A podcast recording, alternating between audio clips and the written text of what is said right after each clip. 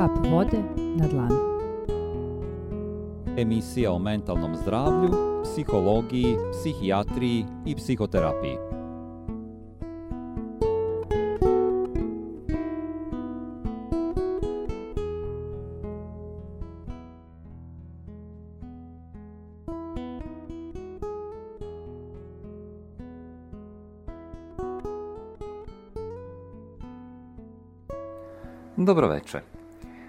podcastu emisije Kap voda na dlanu govorit ću vam o depresiji.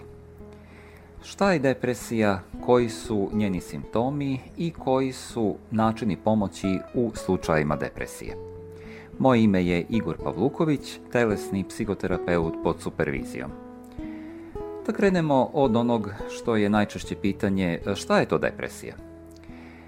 Kada to prevodimo sa latinskog, E, depresija bi u originalu, kako se to izgovara, deprimere, e, označava potiskivanje i pritisak.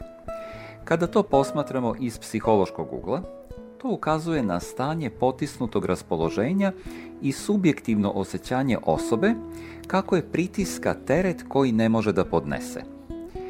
Kod ovih osoba prisutan je nizak nivo raspoloženja koje istrajava i česte su promene raspoloženja.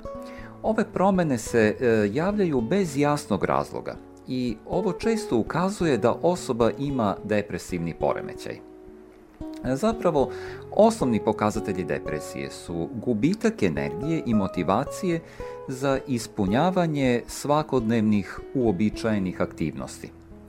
Dešava se to da osoba postaje nezainteresovana i generalno nezadovoljna a to je praćeno dodatno povlačenjem u sebe i izbegavanjem pa najčešće bilo kakvog kontakta sa drugima ili je znatno umanjen kontakt sa drugima. Osobe koje osjećaju depresiju e, prestaju da osjećaju radost u životu. Kod njih dolazi do gubitka najčešće radne sposobnosti i često se još javlja poremećaj apetita, poremećaj spavanja. U nekim slučajevima Dakle, to nije ono što se uvek dešava, ali u nekim slučajevima ove osobe počinju da razmišljaju i o samoubistvu. Osnovna karakteristika. E, velike, takozvane velike depresivne epizode. E, to je period od najmanje dve nedelje kada osoba doživljava gubitak interesovanja ili zadovoljstva u skoro svim životnim aktivnostima. Ovo može biti praćeno dominantnim osjećanjem tuge, na primjer, to može biti neko osjećanje velikog gubitka. Na primjer, recimo osoba je osjeća se kao da je izgubila nešto važno u životu. Može da se desi nakon gubitka voljene osobe, dakle razvod ili raskid emotivne veze, Takođe, smrt nekog od roditelja ili nekog bliskog. Tako da su to najčešći okidači koji uvode osobe u depresivne epizode. U ovom slučaju, kada se radi o depresiji, koju bismo tako definisali, dakle ono što traje duže, što je pravo depresivno stanje, često se ne dešava da dođe do stvarnog gubitka u životu osobe. Dakle, neposredno pre ulaska u depresivno stanje ne dešavaju se realni gubici. Kod, na primjer, deci adolescenata, veća je verovatnoća da će biti razdražljivog raspoloženja i da oni neće ispoljavati tugu, tako da onda na adolescente, na decu treba obratiti posebnu pažnju. Oni se često nekako povlače u sobstveni svet kada se to dešava. Uglavnom ono što je bitno, bitno je da osobe na izgled, dakle samo na izgled deluju da je sa njima sve u redu, ali kada se malo više obrati pažnja, onda primetimo neke simptome. E, koji su najčešći simptomi depresije? Ono što se najčešće javlja i što je najprisutnije, najbolje se vidi, jeste osjećanje tuge, praznine, bezvoljnosti, onda dešava se da osoba bude bezrazložno ljuta, razdražljiva, ponekad imamo i slučajeve nesanice ili suprotno hipersomnije, dakle kada osoba preterano spava. Zatim, e, često imamo gubitak interesa za normalne dnevne aktivnosti. Naprimjer, ako se osoba bavila sportom, onda sve manje i manje počinje da pokazuje interesovanja za sport, manje odlazi na treninge. Dakle, ono što je baš često prisutno jeste postepeno povlačenje od nečega što je bilo uobičajeno za tu osobu. Ali to, oblač, to povlačenje je zapravo e, ide u tom smeru e, da se osoba e, ne interesuje za neke nove aktivnosti. Naprimer, recimo, u normalnom slučaju neko se interesuje za sportske aktivnosti, na primjer igra rukomet i onda posle izvesnog vremena vidi da to možda i nije za njega, pa se onda počne interesovati za drugi sport ili za neku treću aktivnost koja možda i nema veze sa sportom, ali e, ono što ćemo vidjeti kod slučajeva depresije jeste e, da osoba postepeno gubi interesovanje, a ne nalazi nove aktivnosti. E, isto tako se to može dešavati, na primjer, i u seksualnim aktivnostima. To je isto jedno od simptoma. Dakle, e, zatim, šta još imamo? Imamo e, to da osoba može da gubi na težini, na telesnoj težini, dakle dolazi do promena u apetitu, e, u, da, u apetitu. Prema tome, dakle, ili će doći do povećanja telesne težine, ili dolazi do gubitka telesne težine. Sve zavisi opet i od osobe, kakvog je tipa, kakav je metabolizam, ali se zapravo zaista vidi neka promena koja sve više i više ide ka gubljanju kilaže ili ka povećanju. Što opet na prvi pogled, kažem, neće ukazati da osoba sigurno jeste depresivna, zato što se ovi simptomi moraju, mora da ih bude više. Dakle, nećemo moći na osnovu samo jednog simptoma da utvrdimo da osoba boluje od depresije, da je ušla u depresivno stanje, nego mora više ovih nabranih simptoma da se prikaže. E, šta bismo još mogli reći, na primjer, recimo osoba može postati nemirna, ili usporena. Dakle, opet slično kao i kod apetita, ili će ići ka povećanju nečega ili ka smanjenju. E, zatim, ono što je e, svakako već kada depresija uđe u tu fazu da postaje konstanta, jeste da se kod tih osoba uočava zamor ili gubitak energije. I to se dešava svakodnevno. Dakle, osoba postaje pasivnija i to vidno pasivnija nego što je bila pre toga. E, javljaju se teškoće u razmišljanju. Dolazi do gubitka koncentracije. E, osoba postaje potpuno neodlučna, ne zna šta hoće, kad hoće, da li uopšte nešto hoće. Zatim, kao što sam već ranije rekao, povremeno mogu da se jave misli o potpunom beznađu kako bi smrt bila neko rešenje, dakle misli o samoubistvu. I ono što na kraju dolazi kao završni pečat jeste da osobe pokazuju otežano socijalno i profesionalno funkcionisanje. I to sve im je teže i teže kako se ovo sve, kako vreme prolazi. Dakle, zbog toga je bitno intervenisati, primetiti ovo na vreme, jer kada se vidi više ovakvih simptoma, onda možemo posumnjati na depresiju. Dakle, onda je dobro javiti se stručnjaku, psihoterapeutu, psihologu da se vidi da li je to stvarno depresija ili je samo jedna prolazna epizoda da se osoba samo našla u nekoj životnoj krizi pa je upala u depresivnu epizodu koja je prolazna. Dakle, bitno je samo ustanoviti da li je jedno ili drugo, jer ako nije epizoda koja je to već postala depresija, onda je jako bitno to lečiti. Ono što je najvažnije, kako sad otkriti da li je osoba već ušla u depresiju ili je samo jedna prolazna faza. Često se kod osoba koje su u depresiji to ne vidi na prvi pogled jer većina ovih osoba skriva da se osjeća depresivno i pokušava da to zamaskira e, drugačijim ponašanjem.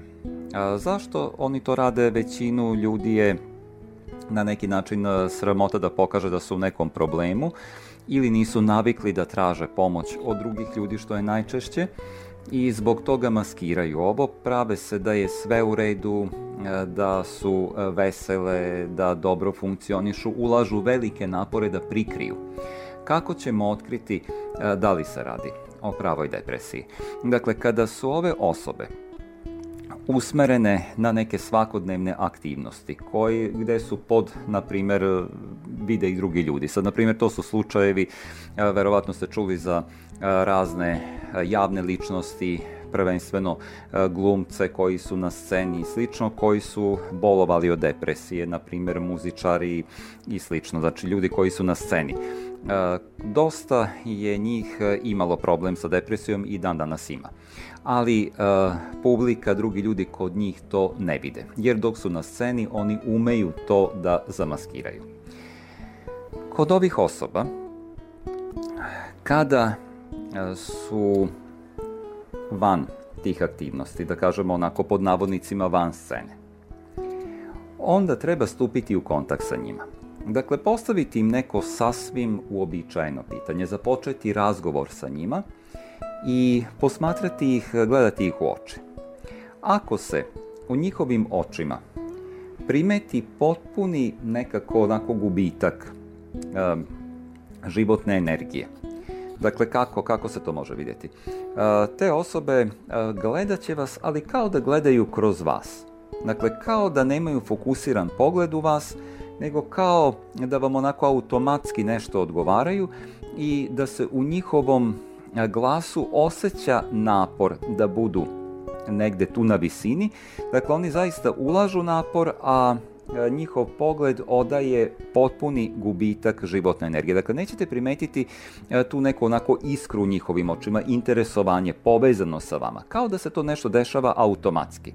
Dakle, to je već jedan ozbiljan pokazatelj kada možemo posumnjati da e, osoba o kojoj se radi e, moguće ima ovaj, e, to depresivno stanje i onda je jako važno da se interveniše, da joj se nekako pomogne, da joj se da savet. Uvek je najbolje da se ove osobe obrate stručnom licu.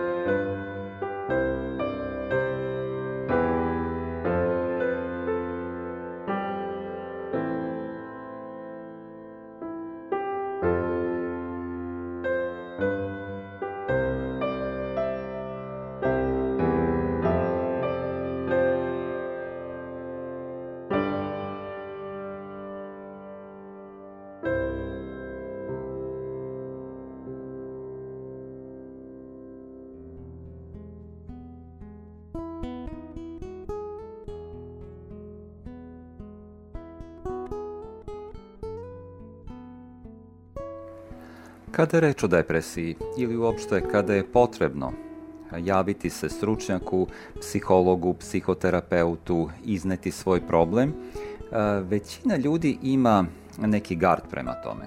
Kao da ako kažu šta im se dešava, da će ih možda neko pogrešno razumeti i osuditi. Dakle, jednostavno kao da u našem društvu postoji neki otpor e, da se izjasni neko o tome da zaista ima neke teškoće u svakodnevnom funkcionisanju.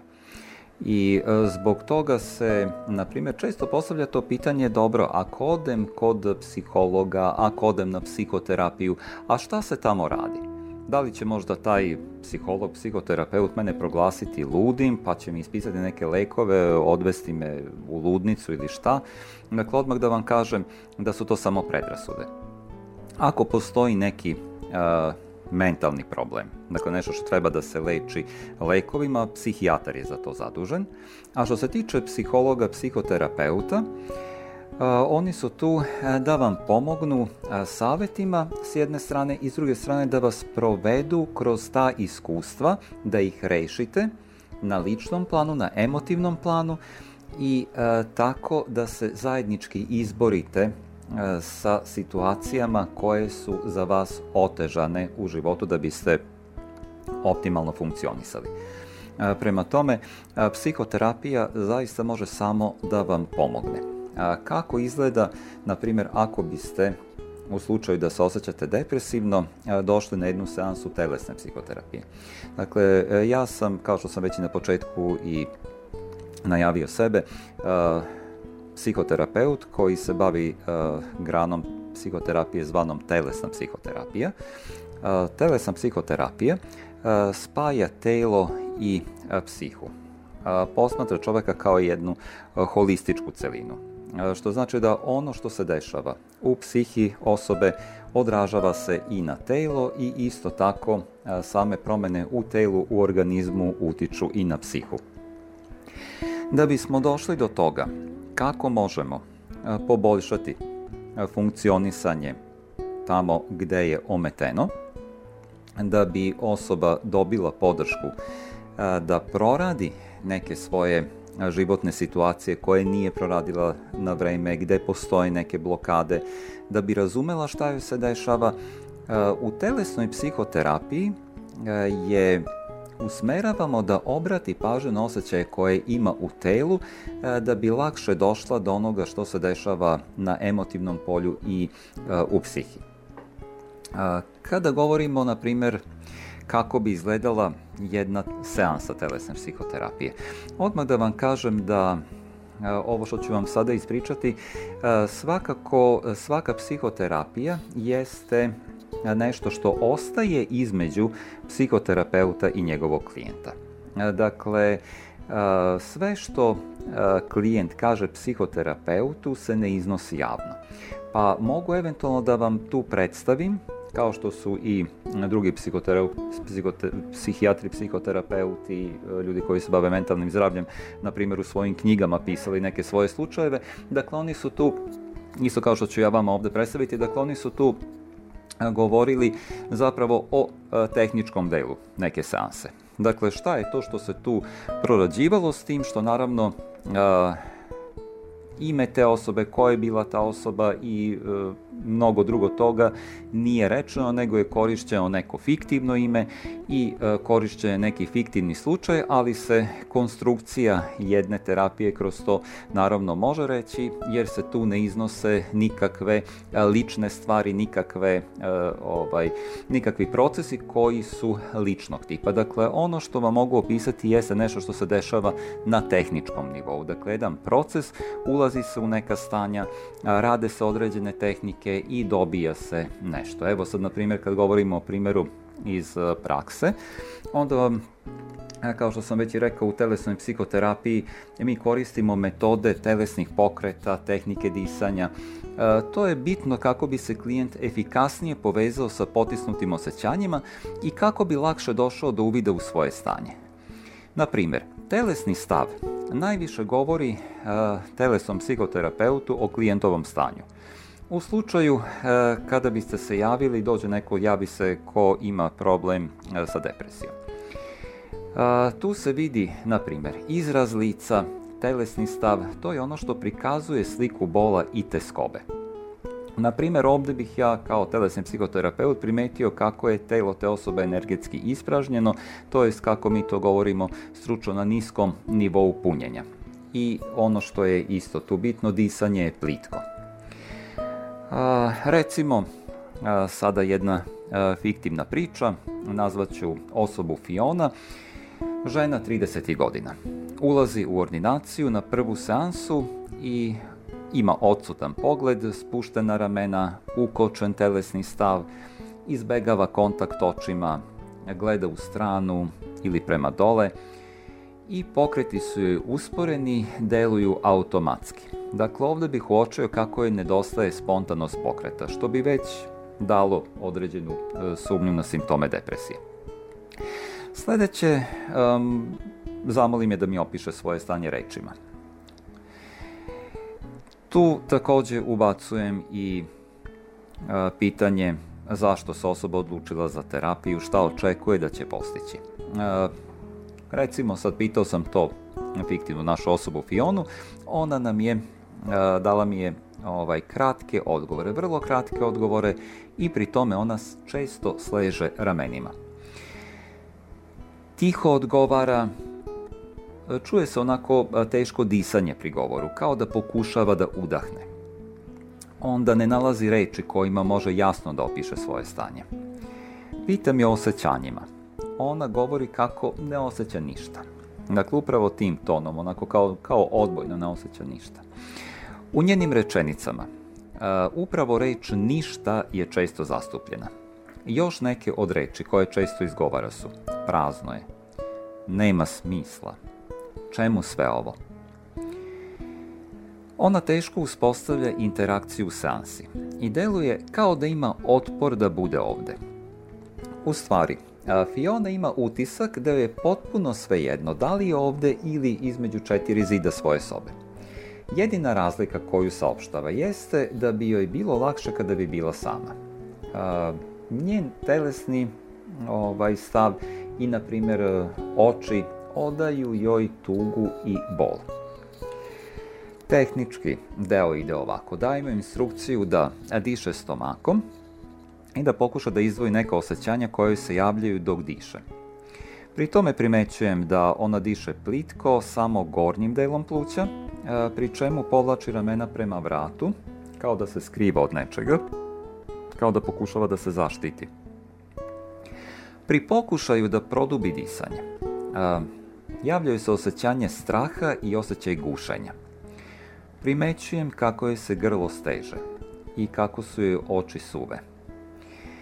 U očima, mada se vidi tuga, one upravo su suve i zbog toga ona ne može da zaplače. E, dakle, tu ću zaključiti da ona teško dolazi do svojih osjećanja. Evo, ovo je taj tehnički deo e, što se tiče telesne psihoterapije gde terapeut treba e, da bude koncentrisan, da pažljivo posmatra šta se dešava sa klijentom, dakle koji je telesni stav, pogled očima, gestovi koje klijent pravi i naravno šta je to što klijent govori. Ona uporno ponavlja kako je sve prazno. Moj predlog je da zajedno dišemo u tišini, da ona oslušuje ritam mog disanja, da pokuša da ga prati. A, nakon par minuta takvog rada, ona izjavljuje da je to rija, da se kao za nijansu osjeća malo bolje, zato što je to podsjeć na deo iz njene prošlosti kada se osjećala bolje, ali ne može u ovom momentu da se seti šta je to, kada je to bilo, no u svakom slučaju nešto se promenilo. Dakle, iz velikog otpora ona sad ulazi u osjećaj da je ipak nešto malo bolje, što je opet više nego ništa kada je došla. Na narednim sansama svaki put kada bi uspela da produbi svoj ritam disanja, Fiona bi se osjećala bolje. Njen telesni stav bi se popravljao, ramena bi se ispravljala, podizala bi glavu, uspevala bi da ostvari kontakt očima i ono što je najvažnije, oči bi počele da joj dobijaju više na sjaju. Dakle, to je jako važno kod osoba koje boluju od depresije, što sam već na početku pomenuo kako nedostaje E, ta iskra života u očima, kao da su potpuno se ugasile. A, e, ovde se vidi već kao nešto, buđ, nešto što podsjeća na buđenje. Dakle, neka iskra se javlja, ali to je tek početak. Pazite, to ne znači da smo mi sad došli do kraja terapije, da je sve završeno, a, e, oslobođena je depresije, sad će sve biti u redu. Ovo je samo jedan početak. Dakle, ovo je jako važan deo kada primetimo da se nešto menja i a, kada oči kao da dobiju malo na životu. Uglavnom, a, dalje, kako seansa protiče, ona se otvara emotivno E, počinje sa više poverenja da govori šta joj se dešava, dakle stiče poverenje i opisuje slike koje prolaze kroz glavu dok e, diše, dok obraća pažnju na to što osjeća u svom telu. U ovom slučaju, na primer, to su bile slike ruševina, prostorije u koje je ona zatvorena, gde doživljava određene torture, gde se e, njen život simbolički gasi. E, kroz ovaj rad ona postaje svesna kako su te slike praćene osjećanjem očaja, e, a ispod svega toga je osjećanje nemoći. U jednom trenutku ona izgovara kako se osjeća osuđeno da bude zatvorena u nekom vakumu odakle nema izlaza. Na moje pitanje ko je taj koji je nju osudio, Fiona odgovara život. Pomažem joj dalje da to osjećanje produbi i da ga izrazi. Ako e, se sećate, pomenuo sam u onom početku da su joj oči bile suve, da nije mogla da zaplače, a u očima joj se očitavala tuga. Ovde ona već počinje, dakle oči počinju da joj se vlaže i nakon duže vremena ona postaje sposobna da dođe do osjećanja i e, da zaplače. U početku to je samo nekoliko prolivenih suza, ali uh, nešto se dalje pokrenulo, dakle još jedan korak napred je napravljen. Nakon nekoliko narednih sansi, Fiona dolazi do uvida kako su životne okolnosti na koje je nailazila u prošlosti bile za nju preteške i kako u jednom trenutku ona nije imala adekvatan odgovor na njih i to baš nikakav odgovor. Dakle, jednostavno kao da je izgubila mogućnosti da nalazi rešenja. Ona uviđa kako je to stvorilo osjećaj krivice i razočarenja u sebe, ali isto tako i u okolinu. E, kroz ovaj deo rada njoj se disanje produbljuje, počinje da diše stomakom, počinje svesno da diše, a to kod nje uvećava nivo punjenja. Dakle, ono što je bitno kod rada u telesnoj psihoterapiji, osobe koje su depresivne imaju nizak nivo punjenja. Kad govorimo o punjenju, to se odnosi na životnu energiju. Dakle, kao što sam opisivao, na primer, iskra u očima i slično, dakle, osobe koje su više napunjene životnom energijom imaju svetlije oči, dakle, gledaju vas u oči, prate šta se dešava, aktivne su, ali često kod depresije toga nema, dakle upravo je suprotno, ramena su pograbljena e, kao, kao da se celo telo nekako urušava u sebe i e, kao da se gubi ta volja za životom. Dakle, jednostavno odustajanje od svega, da kažem ovako jednostavnije. Uglavnom, e, govoreći sad dalje o ovome kako bi se odbijalo, dakle e, ona uvećava nivo punjenja, produbljuje disanje, postaje svesnija svog disanja i kako joj se punjenje pojačava, vraćaju se interesovanje i popravljaju se raspoloženje. Ona postaje sposobna da se osmehne, pokazuje interesovanje za razgovor. E, u nastavku ona se povezuje sa dve prijateljice, e, da ih viđa, E, izlazi svakodnevno van kuće u šetnju, dakle to se već e, odnosi na napredak. E, kako telesna psihoterapija uključuje i rad na nalaženju životne svrhe, Fiona nastavlja terapiju u smeru izgrađivanja sobstvene svrhe u životu i traganja za novim interesovanjima. E, takođe tu dolazi i do vraćanja na nešto što u ranijem periodu je bilo polje njenog interesovanja. I ovo je izuzetno važan deo terapije kod depresivnih osoba, da počinju da pokazuju interesovanje za nešto za šta su se ranije interesovale ili eventualno e, da pokažu interesovanje za nešto novo, ali pre će se desiti da će pokazati ponovo da se povezuju sa nečim što su napustile.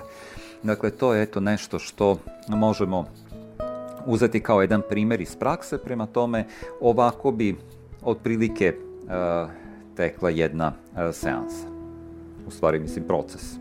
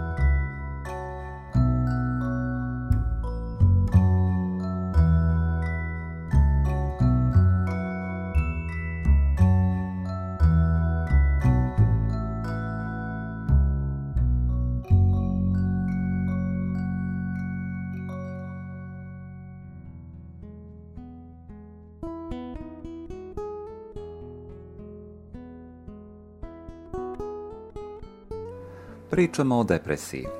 Ako se osjećate depresivno, sumnjate da možda imate problem sa depresijom, sigurno vas interesuje i kako možete pomoći sebi u ovom slučaju.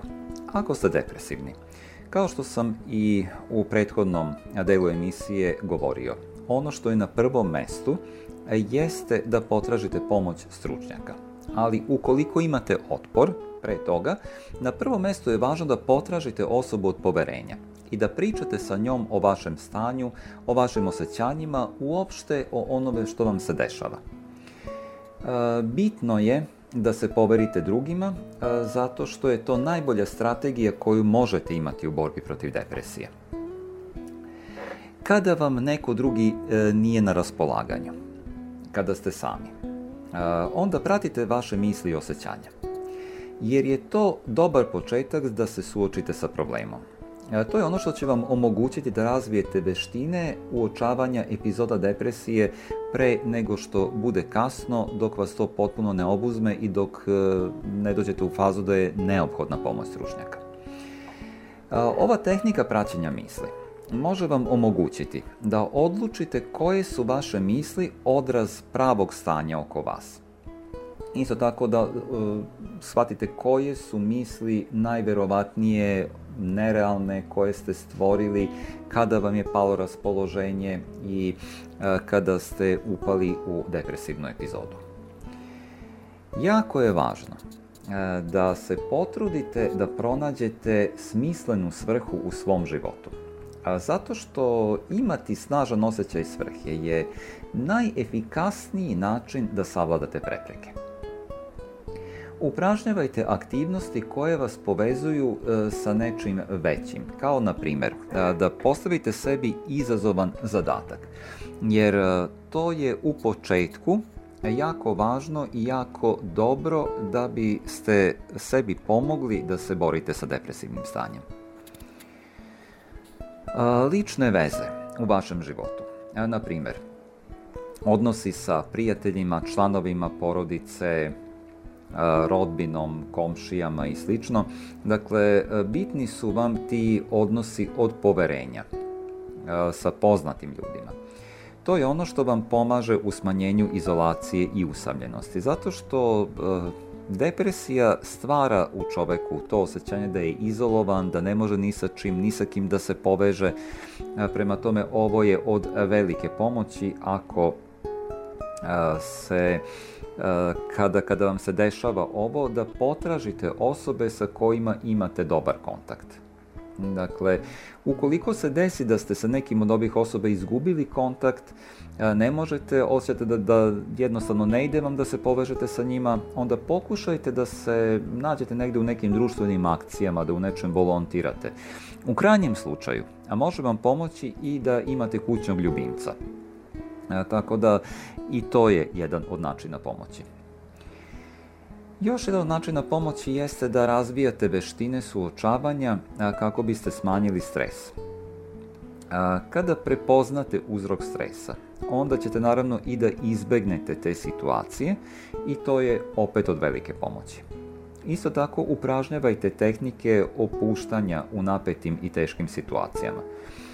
Na primjer, porodično okupljanja, skup prijatelja, nešto slično, e, jeste to što vas može činiti manje podložnim depresiji. Dakle, sve ono što vam može skrenuti pažnju od tog nekog osjećanja koje osjećate duboko u sebi, a naravno ono što sam već na početku rekao, jako je važno da podelite sa nekim od osoba od poverenja šta je to što osjećate. E, jako važna stvar isto je da omogućite sebi dovoljno sna. Velika je važnost e, odmora i kvalitetnog sna, jer to je ono što pomaže održavanju funkcije mozga. Ako imate problem sa nesanicom, onda e, je veća verovatnoća da imate negativne misli, da vam se pojavljuju neke negativne misli, da dolazi do pojave anksioznosti i e, do pojačane napetosti usled pojačanog umora, a to opet pojačava i simptome depresije. E, takođe, potrebno je da se krećete svaki dan. Dakle, e, redovno angažovanje u fizičkoj aktivnosti, čak i u maloj količini, je ono što može imati veliki uticaj. Ako se krećete, ako ste fizički aktivni, e, to će e, da uveća i kapacitet vašeg tela, dakle pojačate kapacitet e, vašeg tela da se e, bori protiv simptoma depresije i e, samim tim će vam se podići samopouzdanje, bit će vam bolji društveni odnosi, više ćete vrednovati sebe što je opet važno. Nemojte podceniti zdravu ishranu. Ishrana koja uključuje, na primer, svežu hranu, dovoljnu količinu vode i vitamina, dakle voda obavezno, i ovi ostali sastojci koji su neophodni telu, to je isto e, od pomoći. E, ono što nije dobro, baš što se tiče ishrane, e, dobro je bilo smanjiti kofein i posebno konzumaciju alkohola, jer preteran unos kofeina i pojačana konzumacija alkohola doprinosi ovaj, e, jačanju simptoma depresije. Dakle, to vam može u, u suštini, ako neko preteruje sa alkoholom, e, da u datom momentu malo podigne raspoloženje, ali nakon toga, kada prođe to dejstvo, onda će vas još više ubaciti u osjećanje beznađa. Tako da je jako važno izbegavati alkohol e, potrebno je da budete motivisani da napravite veće promene u životnom stilu, a to možete da uradite tako što ćete se povremeno nagraditi stvarima u kojima uživate. Zapamtite da negativni stavovi koji se često javljaju kada osoba ima problem depresije, da oni iscrpljuju hemikalije u mozgu koje stvaraju zadovoljstvo. I isto tako preterana negativnost oštećuje imunni sistem, narušava hormonsku ravnotežu u telu i naravno opet pojačava simptome depresije. Ono što već evo možda i treći put ponavljam, obavezno se javite vašem lekaru i zakažite terapije i naravno imajte poverenja u svog lekara i terapeuta i sarađujte s njim, jer zajedničkim snagama ćete lakše i brže doći do poboljšanja i do izlečenja.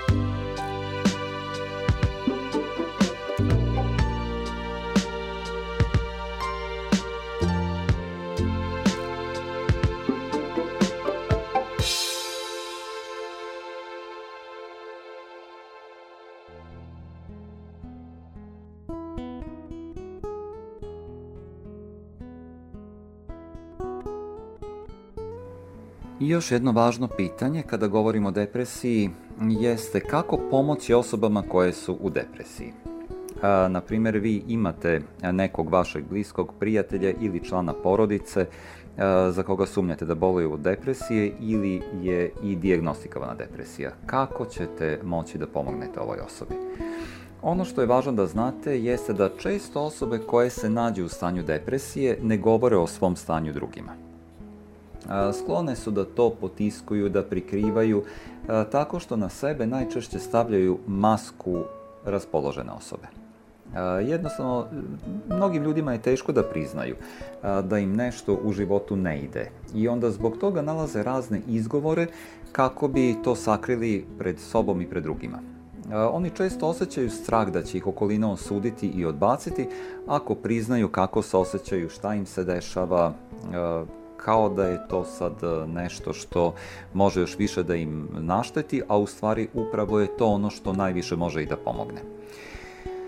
Da biste pomogli e, prijatelju, voljenoj osobi, članu porodice u slučaju da se nalazi u depresiji, e, budite odmah sigurni da će to za vas predstavljati izazov i da nije lako. A zato što za mnoge ljude sa depresijom Simptomi koji imaju dovoljno su ozbiljni da izazovu probleme u svakodnevnim aktivnostima. Na primjer, ako osoba ide u školu, dakle to su praćenje školskih aktivnosti, ako osoba radi, to su svakodnevne obaveze rad i neki ljudi se mogu osjećati teško, a da uopće ne znaju zašto im je teško. Zbog toga najvažniji korak u pomaganju osobi sa depresijom je razumevanje simptoma. Evo, ovde sam vam ispričao o simptomima, I još nešto moram da napomenem da je tok velikog depresivnog poremećaja promenljiv. I isto tako simptomi variraju od osobe do osobe. Zato e, je važno da upoznate što više simptome, moguće simptome, zato što će vam to pomoći da bolje razumete šta ta osoba doživljava. I kada e, to sve obavite, onda je e, preporučljivo da podelite ono što ste primetili i razgovarate sa tom osobom o tome zbog čega ste zabrinuti za nju. Na primjer, ako vaš prijatelj ili voljena osoba imaju sklonost da potiskuju emocije, onda se on ili ona mogu osjećati preplavljeni kada delite svoju zabrinutost oko mogućih simptoma depresije. Zbog toga je najbolja stvar koju možete učiniti u ovom slučaju da ih saosećajno slušate. Dakle, e, treba da znate da nije vaš zadatak da popravljate stanje vaše voljene osobe i da je lečite od depresije, za to postoje stručnjaci. Ali, vaše prisustvo i slušanje voljene osobe mogu je pomoći da se osjeća bolje i to je velika stvar. E, zbog toga, e, dobro je da koristite ove izraze. Da kažete toj osobi, na primjer, ja sam ovde za tebe ili nisi sam, nisi sama u ovome. Možete reći Eh, ja možda ne razumem kako se trenutno osjećaš, ali tu sam da ti pomognem, želim da ti pomognem. I naravno pitanje, reci mi šta mogu da uradim da ti pomognem. Ono što treba da izbegavate, ono što je kontraproduktivno eh, u razgovoru sa depresivnim osobama jesu fraze kao što su, na primjer, ovo je samo faza, proći će, ništa ti ne brini. Ili ono, pa svi se ponekad tako osjećaju, nije to ništa strašno. Ili sugestija, treba da stvari posmatraš pozitivno, treba biti jak, ajde trgni se, pokreni se, ili što više razmišljaš o tome, to ćeš se lošije osjećati. Dakle, ove fraze obavezno izbegavajte, jer e, posjećite potpuno kontraefekat od ono koji želite. Najčešće će sedenje u tišini i upotreba neverbalnih znakova za komunikaciju i podršku biti mnogo korisnija od pokušaja da se pronađu savršene reči. Da biste pomogli još bolje osobama koje pate od depresije, treba da znate da se dešava da ponekad depresija čini svakodnevne zadatke, kao što su, na primjer, vožnja auta, kupovina namirnica, vrlo teške ili čak nemoguće. Tako da je dobro onda da pomognete toj osobi da planira aktivnosti, da joj pružite pomoć i podršku u obavljanju tih aktivnosti, na primjer, recimo, umesto te osobe odete u prodavnicu, znači učinite to ili, na primjer, sa tom osobom obavljate neke zadatke zajedno. Najviše ćete pomoći depresivnim osobama ako idete zajedno u šetnju bar 2-3 puta nedeljno sa njima. Da ih pitate da li, mogu, da li možete da im pomognete oko nekih kućnih poslova i slično i na primjer da e, zajedno učestvujete u nekim slobodnim aktivnostima što je isto od velike pomoći. Sad na primjer gledate neke filmove zajedno, izađete negde iz kuće zajedno, e, to je najvažnije. Ono što e, stvarno možete učiniti za depresivnu osobu jeste da joj pomognete da dobije odgovarajuću lekarsku pomoć. Zato što se depresija redko može prevazići bez lečenja i može se pogoršati tokom vremena. E, uglavnom, e, to je ono što je i najvažnije i nikad dosta ponavljanja da je bitna preventiva i ako se već nešto desi, uvek je stručna pomoć na prvom mestu, a ovo su ostalo ono što možete učiniti za sebe ili za druge. Eto, to bi bilo sve od mene e, što se tiče teme depresije. Slušajte nas na podcastu Kap vode na dlanu svakog četvrtka od 19 sati. Prijetno i do slušanja.